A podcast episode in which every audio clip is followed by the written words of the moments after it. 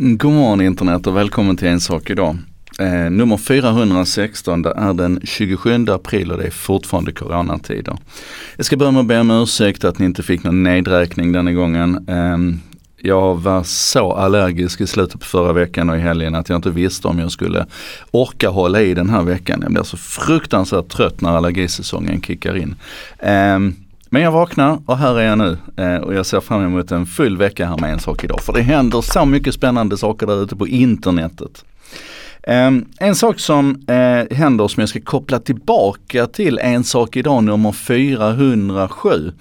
Det är hela den här enorma diskussionen som har blossat upp väldigt snabbt här nu om att använda mobiltelefonen för kontaktspårning. Och ni vet, när vi har en, en smitta som sprids i samhället eh, och kanske framförallt egentligen innan vi får en bred samhällsspridning så är det jätteviktigt med kontaktspårning. Och det har ju varit den traditionella sanningen att det är så det ska fungera. Nu med teknikens hjälp så tänker man sig kanske att vi kan göra kontaktspårning även i ett läge med samhällssmitta. Så att om du får reda på att du har varit i närheten av någon som har i det här fallet covid-19 så ska du själv isolera dig. Och på det viset så hoppas man då kunna bryta de här kontaktkedjorna. Och det är ju då naturligtvis tekniken som ska göra det möjligt att kontaktspåra på den här mycket, mycket större skalan än vad vi normalt sett brukar prata om. Nu är det inte längre ett antal hemresande ifrån Alperna, ifrån skidresa i Alperna som vi ska kontaktspåra och, och liksom hålla koll på hela deras kedja med alla de har träffat. Utan nu är det ju stora delar av samhället som är smittade och som vi i så fall skulle behöva kontaktspåra. Och då står ju hoppet till att, att vi ska lösa det här med mobilernas hjälp. Och i avsnitt 407 så pratade jag om det här nya initiativet mellan Google och Apple. Eh, helt unikt egentligen att de här två bjässarna som normalt sett krigar mot varandra så här tidigt och snabbt i en process går ihop och säger låt oss göra det här tillsammans. Så det är ju för att, för att det här ska funka så måste man in på en väldigt djup nivå i mobiltelefonen och greja och gräva ovanpå kan vi väl säga, eller egentligen som ett yttre lager till den här hårda tekniken som Google och Apple bygger in i sina mobiltelefoner som är en teknisk lösning egentligen. Så ligger det två stycken protokoll som har krigat mot varandra och här blir det lite bokstavssoppa.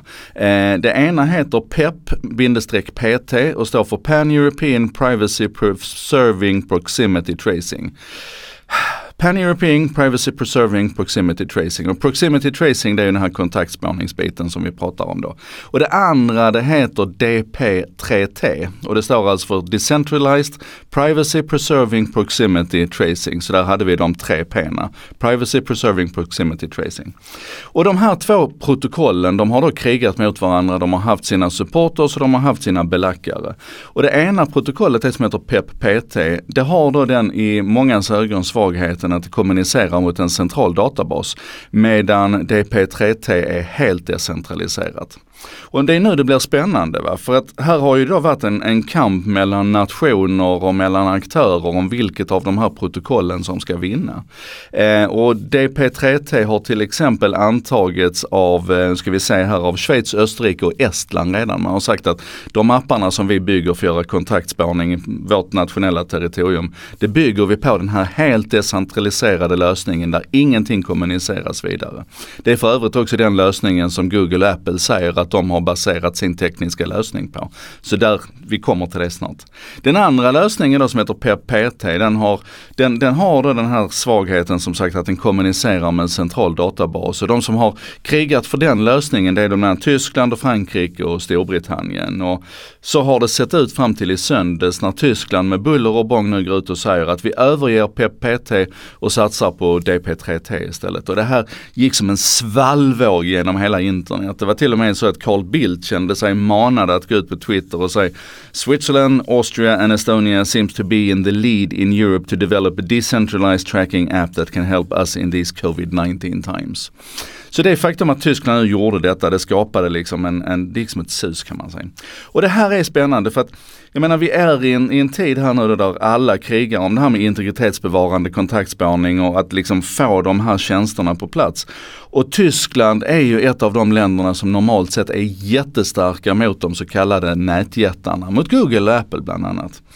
Och nu kommer de säkert själva då och säga att nej men att vi backade här och att vi ändrade oss och bytte spår det berodde på liksom att det kom en, en, en, eh, vad ska man säga, en artikel, en, en, ett öppet brev ifrån 300 säkerhets och integritets akademiker, eh, forskare från 26 länder som kritiserade PT för det här med att den skulle ringa hem till en central databas. Och tyskarna kommer säkert att säga att ja, men det här är för att vi är rädda om er integritet. Vi, vi insåg här att det var bättre att välja den mer integritetskänsliga bevarande lösningen och så vidare.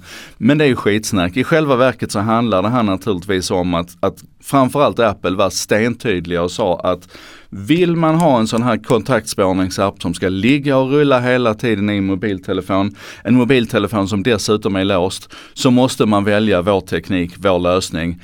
Annars är man väck. Det betyder inte att du inte kan göra en lösning som, eh, som eh, PT, men då måste den lösningen ligga och rulla i förgrunden i en, i en telefon som inte låses. I samma ögonblick som du låser den så stänger den ner den bluetooth-kopplingen som gör att du kan göra en, eh, en sån här kontaktspårning. Och det här är lite spännande för att det är spännande ur många perspektiv egentligen. För framförallt kanske ur det här ehm, eh, optics-perspektivet där vi väldigt ofta pratar om nätjättarna som det stora hotet mot, mot vår integritet.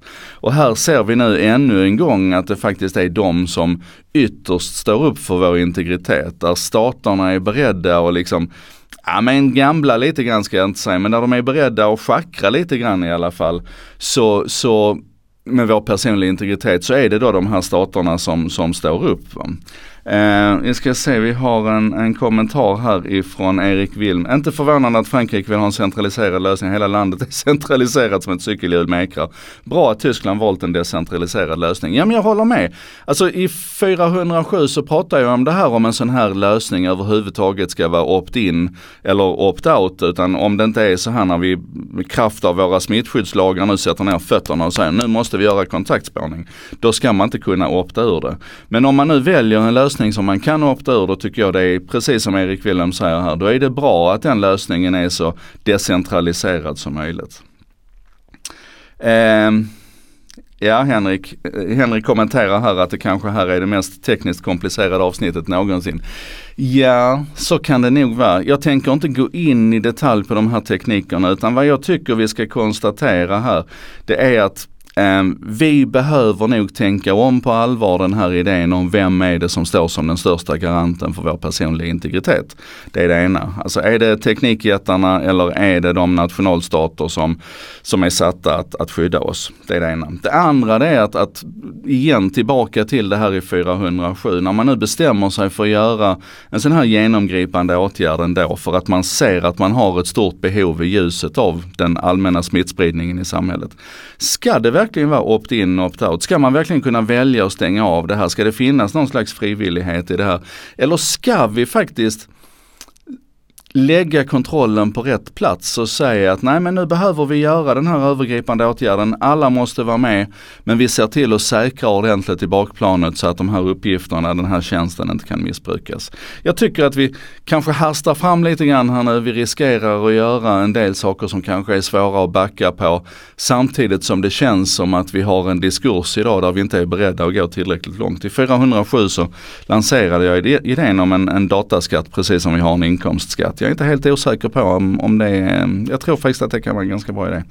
Anyway, um, jag gör så här nu att jag lägger lite länkar här om, om PPT och, och DP3T så att ni kan gå in och kika på det själv. Men grunden är i alla fall, Tyskland fick ge sig. Yay! Det, vi ses på tisdag. Imorgon alltså. Men nu är en sak idag, nummer 417. Tack för att ni står ut med mig. Hejdå!